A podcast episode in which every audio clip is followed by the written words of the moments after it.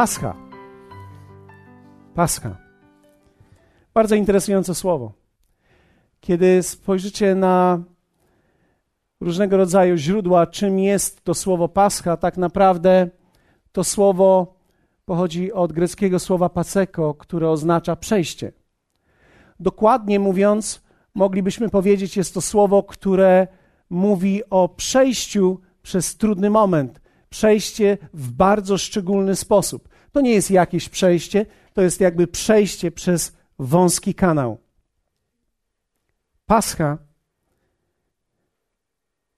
to jest przejście przez wąski kanał.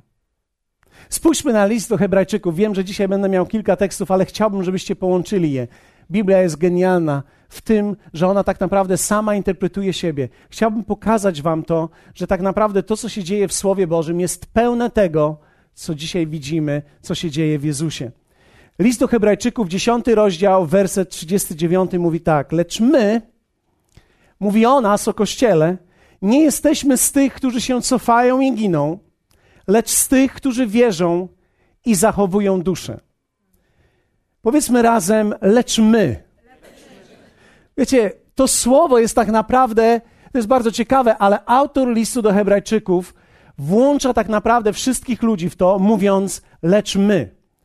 Inaczej mówiąc, to jesteś ty, to jestem ja, to są ci, którzy przeszli i to są ludzie, którzy przechodzili w jakiś szczególny sposób, ponieważ to słowo mówi, lecz my nie jesteśmy z tych, którzy się cofają. Słowo cofają tak naprawdę określa to, że oni są w pewnej drodze. Tak zresztą nazywano uczniów Jezusa. To byli ludzie drogi, to byli ludzie, którzy byli w drodze. Takich nazywano, to byli ludzie, którzy byli w drodze. Taka była pierwsza nazwa chrześcijan. To byli ludzie, którzy byli w drodze. I autor listu do Hebrajczyków mówi o tych, którzy byli w drodze, lecz my, określając Kościół, określając tych, którzy są w drodze, mówi tak: nie jesteśmy z tych, którzy się cofają i giną, lecz z tych, którzy wierzą i zachowują duszę. Wiecie, kiedy mówimy słowo Pascha, kiedy mówimy przejście przez wąski kanał, kiedy mówimy przejście przez kryzys, kiedy mówimy przejście przez ciemną chwilę życia, kiedy mówimy o przejściu przez trudności, tak naprawdę rozpoczęła się długo wcześniej. W drugiej Mojżeszowej albo w Księdze Wyjścia czytamy w dwunastym rozdziale, w wersecie jedenastym, to tylko jeden werset, czytamy taki tekst. A w ten sposób spożywać go będziecie. Wiecie, cały wstęp mówi o spożywaniu baranka. Dlatego, że święto Paschy rozpoczęło się i rozpoczynało się od tego, że symbolem Paschy, symbolem tego przejścia miał być baranek jednoroczny, czysty, wspaniały, który był zabity i w Księdze Wyjścia czytamy: W ten sposób spożywać go będziecie. Biodra wasze będą przepasane, sandały wasze na waszych nogach i laska w ręku waszym. Zjecie go w pośpiechu. Jest to ofiara paschalna dla Pana.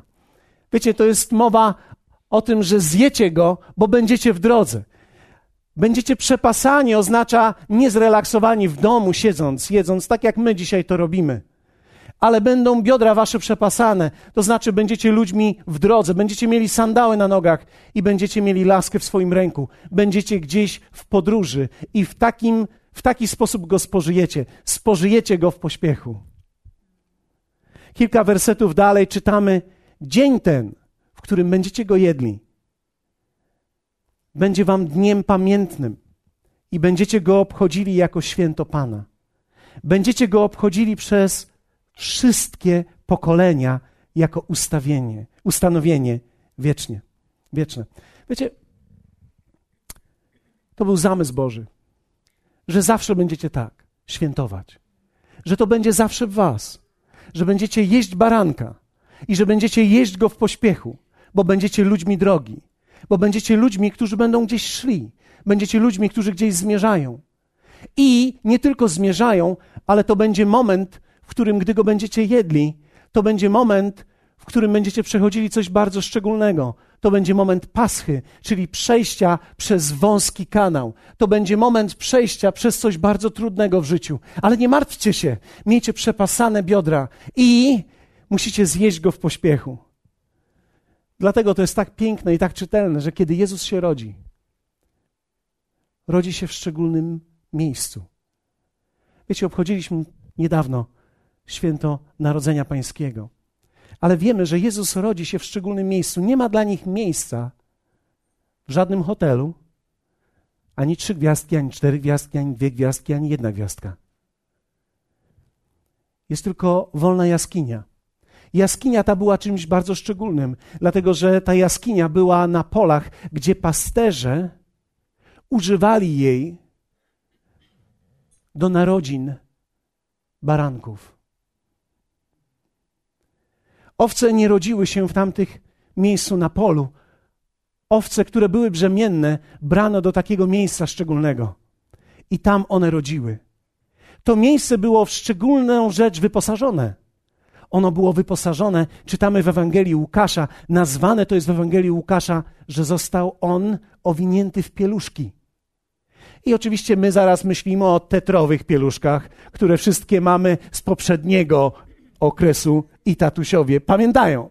Kto z Was pamięta takie pieluszki? Okej. Okay. Więc my myślimy, o, jakież to było, pieluszki w takim razie są czymś bardzo znanym. Nie, to słowo dokładnie nie oznacza pieluszki. To słowo oznacza materiał, którym owijano nogi baranka. I owinano całego baranka. Najpierw nogi tylne, później nogi przednie, a później całego baranka, aby nie wstawał na samym początku, aby odpoczywał po narodzinach. I czyszczono go tym. Dlatego też, kiedy anioł przyszedł do pasterzy, powiedział: Pójdźcie i znajdziecie dzieciątko, które jest w szczególnym miejscu. Wiecie, kiedy oni tam przyszli, pomyśleli sobie: Wow, to jest jak jeden z naszych baranków, który jest urodzony. Nic dziwnego, że Bóg tak zaaranżował to wszystko, że na Sweet Dealach i Gruponach zostały wyprzedane wszystkie hotele. I nie zostało żadnego miejsca, tylko i wyłącznie jaskinia, w której baranki przychodziły na świat. I on tam przyszedł na świat i został owinięty jako znak. Dlatego też anioł, kiedy przyszedł do nich, powiedział: To będzie dla was znakiem. Ponieważ oni wiedzieli, że ten, który przyjdzie, będzie barankiem bez skazy. Wiecie, Jezus był tym barankiem. W Ewangelii Łukasza w 22 rozdziale dokładnie to był moment, kiedy mieli spożywać wieczerzę paschalną. Powiedzmy razem słowo Pascha. To był, to był dzień. Wieczerza paschalna dokładnie poprzedzała, była wigilią Paschy. Czyli kiedy spożywano wieczerzę paschalną, następnego dnia miała nastąpić ta pascha i następnej nocy miało nastąpić to wyjście. A oni mieli być już gotowi i czekać mieli przez cały dzień. Więc kiedy Jezus zaaranżował przeżywanie tej wieczerzy paschalnej z uczniami w Ewangelii Łukasza czytamy, gdy on powiedział: Gorąco pragnąłem spożyć tę wieczerzę paschalną z wami przed moją męką. Powiadam wam bowiem, iż nie będę już jej spożywał, aż nastąpi spełnienie w Królestwie Bożym. I wiecie, Jezus wraz z uczniami spożywali tą wieczerzę paschalną, która była dzień przed Paschą. Bardzo ciekawe jest to, że jedli prześniki tak, jak powinni jeść, i pili wino tak, jak powinni pić, i gorzkie zioła tak, jak powinni pić, ale nie było tam mowy o baranku, gdyż baranek był między nimi. Barankiem on był sam. Pascha to przejście, przejście przez noc, przejście przez problem, przejście przez kryzys, przejście przez trudności, przejście przez złe okoliczności. I kiedy modliłem się parę dni temu, myślałem o nas, o Kościele i o tych wszystkim, co się dzieje, o ludziach, którzy tu są i o ludziach, których znam. Myślałem o Tobie. Co się musi stać, abyś się poddał? Dlatego, że pascha, to przejście przez zwężone gardło nie jest wcale takim łatwą, nie jest wcale taką łatwą rzeczą. To jest wielka trudność. Tak naprawdę to jest wielka presja. Wiecie, Bóg nie przyszedł do naszego życia, żeby wyzwolić nas z presji. ale On przyszedł do naszego życia, żeby pomóc nam przejść właściwie presję i właściwą presję. Przejście przez noc, przejście przez problem, przejście przez kryzys. Co może złamać człowieka? Co może złamać ciebie? Wiecie, jestem wierzącym już od kilku lat. Oddałem swoje życie Jezusowi w 83 roku. To był mój dzień. Prawdopodobnie 3 lipca. 3 lipca stałem i mówiłem: Jezu, bądź moim Panem. I wiecie, przez te wszystkie lata widziałem, jak ludzie się cofają. Widziałem, jak ludzie padają. Widziałem, jak ludzie się załamują. Widziałem to. I zastanawiałem się, jaka będzie Twoja historia. Jaka będzie nasza historia. Jaka będzie historia wody życia. Jaka będzie historia tych ludzi, którzy nie tylko to tworzyli, tworzą, ale tworzyć będą? Jaka będzie nasza historia w przyszłości? O jakich ludziach mówimy tutaj? Dlatego, że ludzie się poddają, ludzie się załamują. Jedną z rzeczy, wiecie, zobaczyłem, że ludzie się poddają względem siebie. Człowiek się poddaje, załamuje sobą. Czy spotkałeś ludzi, którzy są załamani sobą? Są ludzie, którzy mówią: Nie wytrzymam tego dłużej. Nie jestem w stanie wytrzymać swojego stanu dłużej. Są ludzie, którzy mówią: Nie dam rady. Nie jestem w stanie. Nie mogę już dalej iść. Są ludzie, którzy mówią: Już nie mam siły. Tak, i to jest realne. Ja to rozumiem. Wiecie, często rozmawiam z ludźmi. W zasadzie moje życie to jest rozmowa i czytanie. Gdyby ktoś mi zadał pytanie, co robisz w życiu, to ja rozmawiam i czytam. I w wolnych chwilach piszę. Wiecie dlaczego? Dlatego, że tak naprawdę ludzie widzę, jak bardzo potrzebują rozmowy. I widzę, jak bardzo ludzie przeżywają rzeczy i jak bardzo w tych chwilach paschy tego przejścia przez wąskie gardło potrzebują, aby ktoś ich nawigował, potrzebują, aby ktoś powiedział, co mają w tym momencie zrobić, kiedy jest im ciężko, kiedy przechodzą przez kryzys. Ludzie potrzebują wtedy pomocy. Wiecie, to jest troszeczkę tak, jak dziecko, które się rodzi, gdy się rodzi, potrzebuje kogoś z zewnątrz, które pomaga mu przejść przez ten kanał, które pomaga mu przejść przez tą presję. Więc ludzie poddają się względem siebie. Spotkałem wielu ludzi, którzy są załamani sobą, ale też spotkałem ludzi, którzy poddają się względem innych ludzi. Patrzą na innych ludzi i mówią: Już się nic nie zmieni. Już nie da rady, żeby ten człowiek się zmienił. Próbowaliśmy już wszystkiego, czekaliśmy przez wiele lat, zastanawialiśmy się, jak długo to jeszcze potrwa, i to tak naprawdę jest ciężkie. Ten człowiek się nie zmieni. I wiecie, kiedy ludzie się nie zmieniają i są daleko od nas, to jest żaden problem, ale problem jest wtedy, kiedy to są ludzie, którzy są blisko nas. Kiedy to jest Twój mąż, kiedy to jest Twoja żona, kiedy to jest Twój przyjaciel, najbliżsi ludzie, z którymi jesteś wiecie, kiedy mówię o przyjaźni, to jeszcze przyjaźń można wybrać, ale kiedy mówimy o rodzinie, rodzina jest szczególnym przypadkiem. Mam nadzieję, że rozumiecie, rodzina jest szczególnym przypadkiem. To jest wielkie błogosławieństwo mieć rodzinę, ale rodzina jest szczególnym przypadkiem. To jest szczególny przypadek, ponieważ w rodzinie tak naprawdę musimy wiele też dawać sobie przestrzeni do życia. I ludzie poddają się względem innych ludzi mówią, że się nic nie zmieni. Wiecie, czasami patrzymy na jakiegoś człowieka i tracimy zwyczajnie nadzieję. Ja mam nadzieję, że mnie dobrze rozumiecie, ale wielokrotnie w moim duszpasterskim jakby życiu patrzę na ludzi i zastanawiam się, na ile oni mają szansę. Kto jest z nimi? Sprawdzam zaraz, z kim oni się kontaktują, z kim są. Kto może dać im życiodajne słowo? Kto jest w stanie ich poprowadzić, kiedy przechodzą przez paschę, kiedy przechodzą przez wąski kanał, kiedy przechodzą przez kryzys, kiedy przechodzą przez trudności, bo trudności przyjdą zawsze. Zawsze. Powiedzmy razem pascha. Wiecie, ludzie poddają się względem okoliczności życia. Często mówią, tego się nie da zmienić.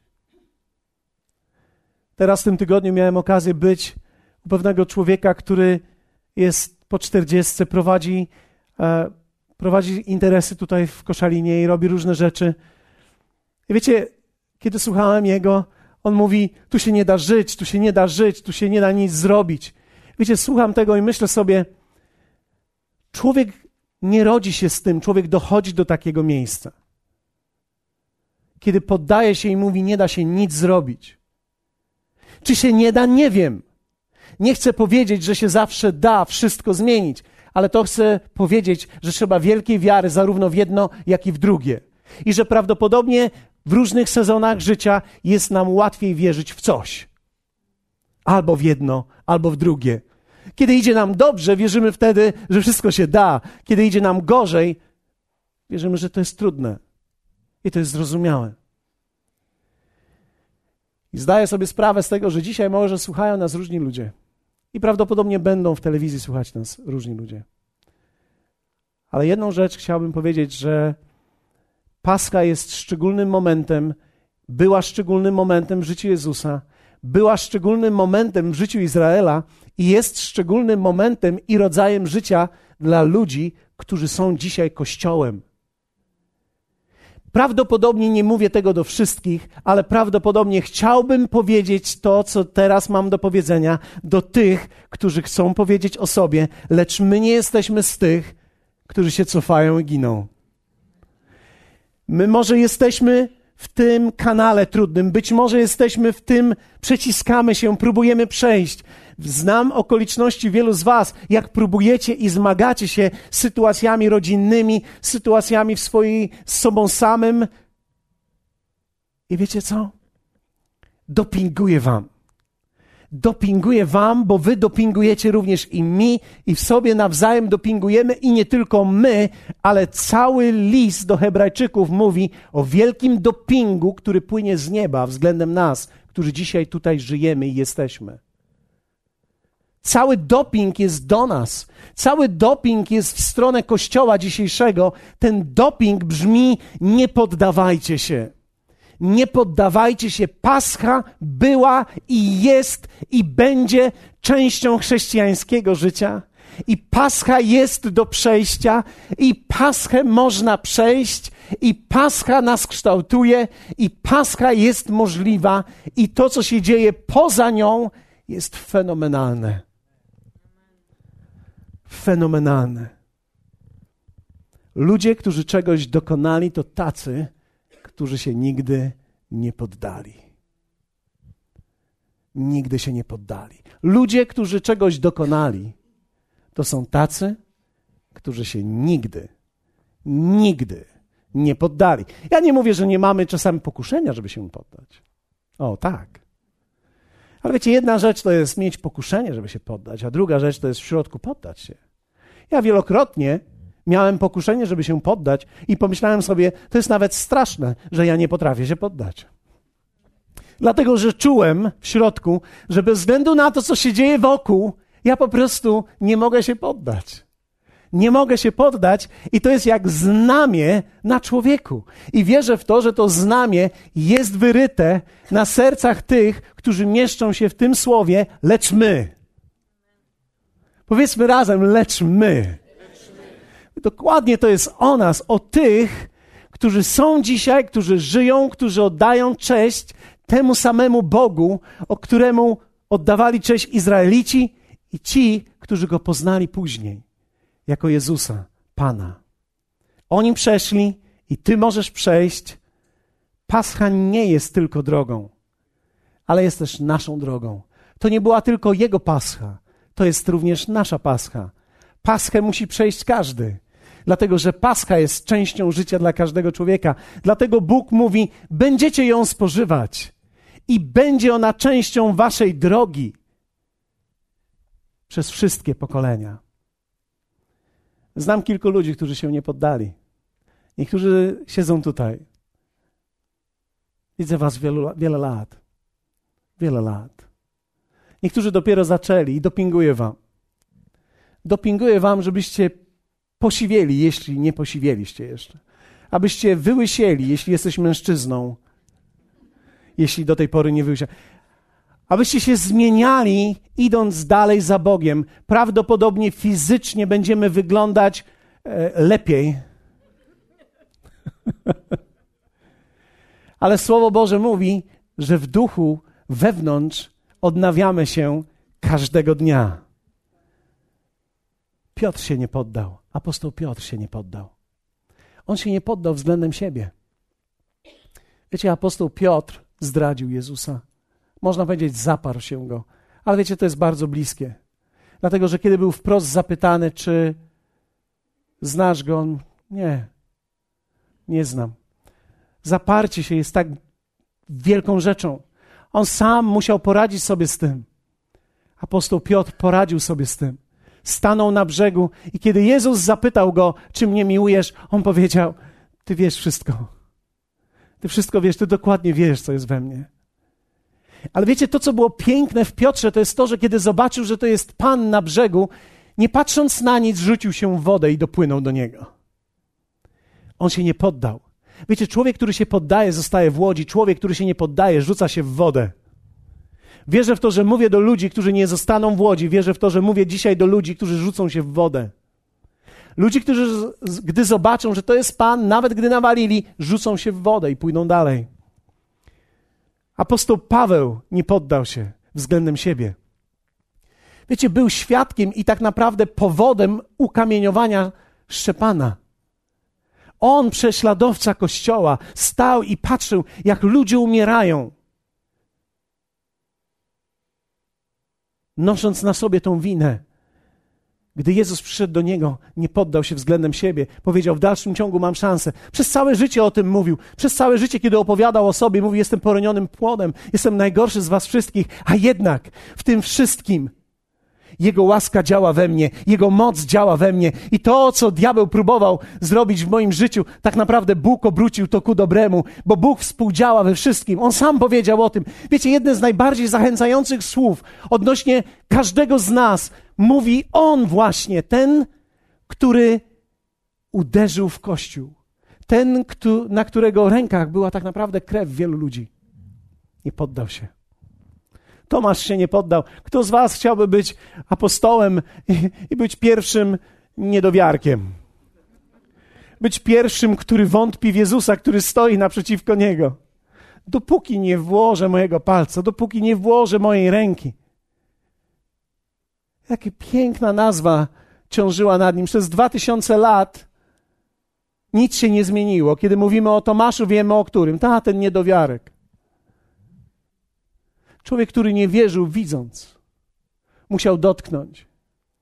Ale kiedy dotknął, powiedział: Pan mój i Bóg mój. I w tym samym momencie tak naprawdę pojednał się sam ze sobą, nie poddał się względem siebie. Jest wielu ludzi, którzy nie poddało się względem innych ludzi. Apostoł Piotr, który miał wielkie problemy z innymi ludźmi, powiedział w jednym ze swoich listów: Miejcie cierpliwość do wszystkich ludzi. Cierpliwość do wszystkich ludzi. Nie poddał się względem ludzi, bo widział, że ludzie są słabi i mówi: Miejcie cierpliwość do ludzi. Wszystkich szanujcie, mówi: Braci, miłujcie. Apostoł Paweł nigdy się nie poddał względem innych ludzi. Ja nie wiem, czy on w swoim życiu widział ludzi tak pełnych pasji, jak on sam. Pisząc w swoich listach, pisał o ludziach, gdzie powiedział: Wszyscy mnie opuścili, są ludzie, którzy odeszli, a ten umiłował świat doczesny i odszedł. I tamten odszedł, i tamten mnie zostawił, i tamci mnie zostawili. A jednak w swoim liście pisze i mówi do Kościoła: miłość cierpliwa jest. Miłość jest dobrotliwa. Wiecie, napisał list taki, który umieszcza każdego człowieka wewnątrz. Jeśli ktoś z Was kiedyś kogoś oddziela i mówi, ten człowiek nie ma szans, gdy przeczytasz Pierwszy list do Koryntian, trzynasty rozdział, który znają wszyscy ludzie. Niestety będziesz musiał powiedzieć, może nie mam nic wspólnego z tym człowiekiem, ale z pewnością miłość Boża ma szansę dla niego i ogarnia go, ponieważ miłość Boża obejmuje wszystkich ludzi. I on mówił do kościoła: miłość jest cierpliwa. Kiedy patrzył na Kościół, to jest interesujące, kiedy patrzył na Kościół, bo opisuje list do Koryntian, opisuje, co się w Kościele działo. O mój Boże czasie wieczerzy pańskiej, w czasie Eucharystii, ludzie byli pijani. Niektórzy wyjadali to, co się dało. Wyobraźcie sobie takie Eucharystie. To musiał być widok. Tymczasem apostoł Paweł pisze do nich list i mówi: poprawcie to i poprawcie tamto, i, i miłość cierpliwa jest. Miłość jest dobrotliwa. Apostoł Jan ten, który był razem z Jezusem, ten, który leżał na piersiach Jezusa, kiedy Jezus opowiadał różne historie, który nazwany był przyjacielem, był tak blisko Niego, że Jezus powiedział: do Niego, zaopiekuj się moją matką. Wiecie, kiedy ktoś powierza komuś swoją mamę, to musi ufać tej osobie.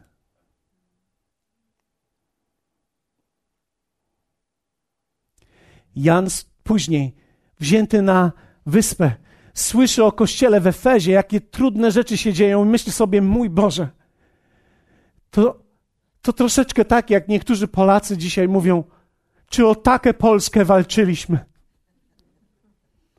Jan prawdopodobnie na tej wyspie, kiedy patrzył na kościół w Efezie, kiedy słyszał o tym, co się złego dzieje w kościele, mówi: Mój Boże, to już chyba jest koniec. Nie, ludzie nie mają szans, ludzie się sami zagryzą.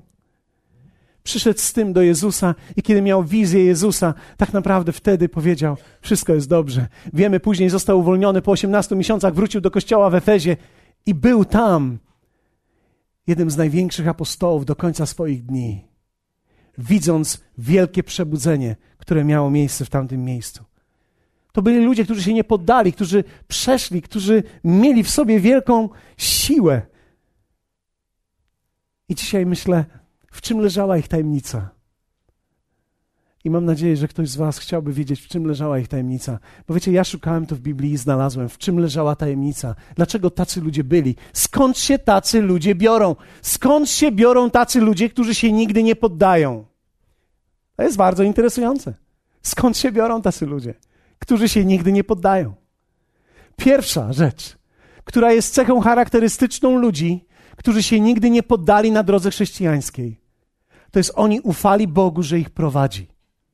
Oni wiedzieli, że Bóg ich prowadzi. Poddali mu swoje życie i wiedzieli, że ich prowadzi. W jakiś ponadnaturalny sposób wiedzieli, że są przez Boga prowadzeni w tym życiu. Że ludzie, których spotykają, to nie jest przypadek. Być może dzisiaj jesteś tutaj, nawet w tym kościele, może oglądasz przez przypadek. Jesteś przez taki dziwny przypadek, ale widzisz, są ludzie, którzy wierzą, że te przypadki to nie są do końca przypadki i że te przypadki często, które nie są przypadkami, które my myślimy, że są przypadkami, one nie są przypadkami. Że te przypadki są tak naprawdę tym dziełem Bożym. Że to są takie przypadki, jak zajęte i wykupione wszystkie na Słeddilu i Gruponie hotele Także została tylko jaskinia. I to był właśnie ten przypadek, ponieważ Bóg zaaranżował, żeby on urodził się w takim miejscu. I Bóg zaaranżował, żebyś ty był dzisiaj w tym miejscu i żebyś to usłyszał. Ja nie wiem, co te słowa mogą zrobić w tobie i w twoim życiu, ale jestem przekonany, że każdy, kto wierzy w Słowo Bożemu, to zmienia jego życie. I wierzę w to, że to zmieni Twoje życie. I być może to jest dzisiaj dla Ciebie, abyś się nie poddał i abyś poszedł dalej. Być może to jest tylko jeden krok. Być może trzeba jeszcze zrobić dwa. Być może trzeba jeszcze trochę poczekać. Ale jeśli się poddasz, nigdy nie zobaczysz, jak to jest po tej drugiej stronie. Dlatego dzisiaj wierzę w to, że mówię do tych, którzy nie chcą się poddać, którzy mogą powiedzieć o sobie, lecz my. Powiedzmy razem, lecz my lecz my. Oni ufali Bogu, że ich poprowadzi. Też może powiedzieć, to jest skomplikowane iść za Bogiem. Nie aż tak bardzo, bo Izajasz mówi, i będzie tam droga bita, nazwana drogą świętą. Nie będzie nią chodził nieczysty, będzie ona tylko dla jego pielgrzymów. Nawet głupi na niej nie zbłądzi. Halleluja! Pomyślałem sobie, jeśli jest jakikolwiek werset w Biblii, który jest zachęcający dla mnie, to to jest właśnie ten. To jest dokładnie to słowo, które mówi, że nawet głupiec, głupi człowiek, to jest ten, który może nie mieć pełnej wiedzy o wszystkim, nie zbłądzi na tej drodze. Będzie tam droga bita, nazwana drogą świętą. To jest droga, po której my podróżujemy. To jest droga, po której prowadzi nas Pan. To jest droga. To jest droga. Jesteśmy dalej uczniami drogi i przechodzimy przez Paschę i przechodzimy przez trudne momenty, ale ufamy i oni ufali że On ich prowadzi. Drugie, oni wiedzieli, że Bóg był ich mocą. Wiecie, nie chodzi o to, abyś był ty mocny, ale abyś był podłączony do Jego mocy. Czy ja mógłbym zademonstrować Wam coś? W zeszłym roku pamiętam, jak mieliśmy tutaj wspaniałą imprezę dla dzieci. No, stań tutaj. Bądź razem ze mną chwilę kiedy mieliśmy tutaj imprezę dla dzieci, męż, mężczyźni, tatusiowie robili e, konkurs. I pamiętam, że to był konkurs polegający na tym, jak długo mężczyzna wytrzyma ciężar, trzymając dłonie w ten sposób. Wiecie, wielu ludzi kojarzy chrześcijaństwo właśnie w ten sposób, że to jest właśnie taka ciężka praca. Proszę bardzo. Że to jest właśnie tak. I wiecie, zwróćcie uwagę, on się teraz uśmiecha. Ale my wiemy, co się stanie. To jest tylko kwestia czego? Czasu. To jest kwestia czego? czasu. Chrześcijaństwo to jest długa droga, to nie jest sprint, to jest maraton, to jest długa droga. I pewnie jeszcze nie maraton ten, który my tutaj mamy, ale ten australijski, który oznacza 800 kilometrów. 800 kilometrów maraton to jest długi maraton. Zwróćcie uwagę, w tej chwili ten mężczyzna się uśmiecha i on się dalej będzie uśmiechał, ale przyjdzie moment w jego życiu, w którym on nie będzie się śmiał. Prawdziwe chrześcijaństwo to nie jest siła człowieka. Prawdziwe chrześcijaństwo to jest umiejętność podłączenia się do tego, który jest ich mocą. Apostoł Paweł Apostoł Paweł powiedział takie słowo. Ja myślę, że troszeczkę obniżyliśmy loty, ale może dalej pociągnijmy. Spróbujmy to jeszcze raz. może druga ręka. Okej. Okay. To akurat tyle potrwa. Drugi Koryntian. Znowu uśmiech pojawił się na twarzy. Wiecie, w drugim Koryntian apostoł Paweł powiedział takie słowa. My zaś ten skarb mamy w naczyniach glinianych, aby się okazało, że moc, która wszystko przewyższa, jest z Boga, a nie z nas. Wiecie, chrześcijaństwo to nie jest siła człowieka. Chrześcijaństwo to jest siła Boża w człowieku. Bóg nie chce, żebyś dzisiaj ty stanął i powiedział: Panie, chcę być silny. Bóg pragnie, abyś ty stanął i powiedział: Panie, bądź moją siłą i bądź moją mocą. Prawdziwe chrześcijaństwo wygląda tak.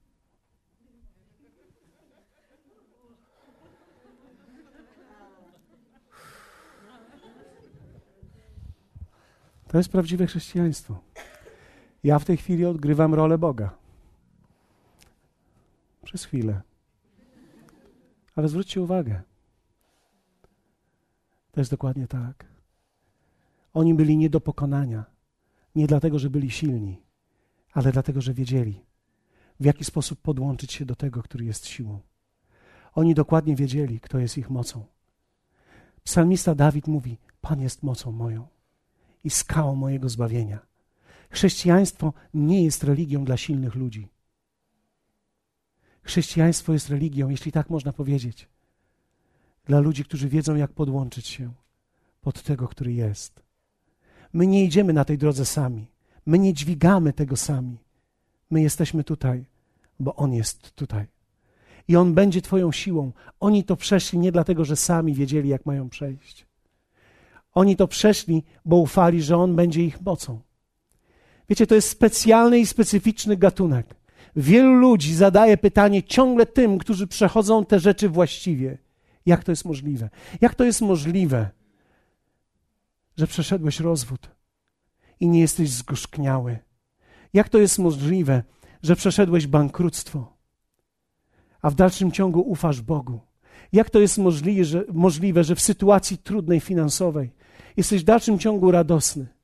Jak to jest możliwe, że kiedy sytuacja w Twojej rodzinie jest tragiczna, Ty w dalszym ciągu masz uśmiech na Twojej twarzy? Czy jesteś w takim razie hipokrytą, który się potrafi śmiać, bo tak trzeba, czy raczej jesteś tym, który znalazł źródło mocy? Bo widzisz, hipokryzja ma swój koniec, bo hipokryzja się męczy. Hipokryzja nie wytrzyma próby czasu. Hipokryzja to jest dźwiganie samemu. Dlatego każdy, kto jest hipokrytą, przez chwilę tylko będzie. Każdy hipokryta ma szansę. Niektórzy ludzie mówią, Kościół jest pełen hipokrytów. Rzucam ci wyzwanie, który to mówisz. Przyjdź i bądź z nami przez 20 lat. Spróbuj wytrzymać ten bieg. Spróbuj wytrzymać ten maraton. Spróbuj przejść rzeczywistość życia razem z nami kawałek.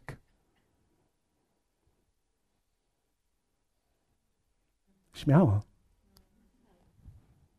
Nie tylko jemu jest teraz lżej. On nawet wygląda na wielkiego bohatera. A ludzie, a ludzie, prawdopodobnie nie widząc tego, bo widzisz, to, co jest w życiu niewidoczne, to jest to, co wy widzicie. On dźwiga ciężar. Wy podejdziecie do niego i powiecie: Przyjacielu, skąd w tobie ta siła? Skąd w tobie ta siła? To jest tak, jak ludzie przychodzili do Jana i mówili: Podobno gotowali cię w oleju. Podobno wrzucili cię do rozżarzonego oleju. Podobno chcieli cię zabić. Jak ty to przeżyłeś? Nie ma na tobie ślad, żadnych śladów? Apostole Pawle, byłeś bity trzy razy. Podobno jeden raz nawet zmarłeś, ale otoczyli cię uczniowie i wzbudzili cię z martwych. Jak ty to przeżyłeś? Jak ty to przeszedłeś? Jak to jest możliwe, że po latach, apostole Pawle, kiedy byłeś tak naprawdę druzgotany i niszczony, byłeś w stanie przejść to? Jak to jest możliwe, kiedy czytamy dzisiaj książki o wierzących w Chinach, gdzie młode dziewczyny są gwałcone ze względu na wiarę i ze względu na to, że oddają życie Jezusowi? Ale one stają naprzeciwko tych, którzy to zrobili i powiedzieli: Jezus Cię kocha. Czytamy o tym w książkach i wiecie, ktoś może zadać pytanie, jak to jest możliwe. Bo niewidoczna Jego, niewidzialna Jego dłoń trzyma ten ciężar, który oni niosą. I oni znaleźli źródło tej mocy. Brawa dla Gienka. Brawa dla tego Pana. tak rodzą się bohaterowie wiary. Dlatego też tacy ludzie mogą powiedzieć, lecz my. Powiedzmy razem, lecz my. On może powiedzieć, lecz my, bo on wie, że znalazł źródło tej mocy. On w czasie tej swojej trudnej chwili, w czasie przejścia, w czasie paschy, znalazł źródło tej mocy. Znalazł źródło, którego nigdy nie opuści. On był ich mocą. I apostoł Paweł nie czarował nikogo i nie mówił, będziesz silny, jak się nawrócisz. On powiedział, nie, nie, nie, nie mamy ten skarb w naczyniach glinianych. Jesteśmy bardzo krusi. Jesteśmy delikatni. Łatwo nas zranić, łatwo nas dotknąć. Ale jednocześnie ta moc, która w nas jest, jest z Niego, nie z nas. I On jest tą mocą. I śpiewamy te pieśni o Nim. Dlatego też ci ludzie mówili dalej: lecz my nie jesteśmy z tych, którzy się cofają i giną. Jak oni mogli być tacy pewni, że przejdą tą paschę i że będzie to możliwe? Bo znaleźli źródło tej mocy, bo Bóg był ich mocą. I ostatnia rzecz. Kiedy przechodzili przez to, mieli wizję tego, co jest dalej. Oni wiedzieli, że coś musi być poza cierpieniem, że musi być coś, poza bólem. Widzisz, ból życia, który człowiek przechodzi, wcale nie musi być bólem, który doprowadza nas do śmierci, ale może być tak naprawdę bólem, który rodzi coś zupełnie nowego. Kiedy matka, która rodzi dziecko, przeżywa ból, ona przeżywa ten ból, ale jest coś na nią. Jest coś na niej. Jest jakiś rodzaj, nazwijmy to brzydko, aury, pewnego uśmiechu, pewnej tragedii, która niesie w sobie niesamowity początek. Ona przechodzi to i ona wie, że za chwilę będzie coś, co będzie krzyczało. Coś, co po raz pierwszy wyda swój dźwięk. Coś, co po raz pierwszy w swoim życiu zobaczy. Coś, co sama urodzi. I to jest genialne, podobne uczucie. Ja tego nigdy nie przeżyłem. Dzięki Bogu. Ale to jest wspaniałe, bo to oznacza, że są bóle w życiu, które nie oznaczają śmierci, ale które mogą oznaczać przejście do zupełnie nowej rzeczywistości. To samo jest powiedziane o Jezusie, że kiedy on szedł na krzyż, on dokładnie widział, co będzie za nim. Kiedy on szedł na krzyż, on nie widział w krzyżu końca, ale on wiedział, że za krzyżem jest zmartwychwstanie. I on wiedział, że ojciec go nie opuści. I on wiedział, że ojciec go wzbudzi. I on wiedział, że dzięki tej ofierze inni ludzie powstaną i że on był pierwszym, ale za nim podąża kolejna grupa tych, którzy po latach powiedzą: Lecz my. Lecz my. Powiedzmy razem: Lecz my. On wiedział, przechodząc przez swoją paschę, że zanim powstanie kolejna grupa, którzy będą mówili: Lecz my nie jesteśmy z tych, którzy się cofają i giną, lecz z tych, którzy wierzą i dziedziczą obietnicę. Mieli wizję tego co jest dalej. Dlatego wierzę w to, że dzisiaj możesz przyjść do Niego, a On ci da wizję życia. Posłuchajcie teraz tej pieśni. Ona jest potężna. Chciałbym, żebyście wsłuchali się w nią. Abyście wsłuchali się w jej słowa. Abyście pomyśleli chwilę o tym, przez co ty dzisiaj przechodzisz. Wierzę w to, że Bóg wzbudza w tym miejscu potężny lud, który któregoś dnia będzie mówił o sobie. Lecz my nie jesteśmy z tych, którzy się cofają i giną, ale z tych, którzy wierzą i dziedzicą obietnicę.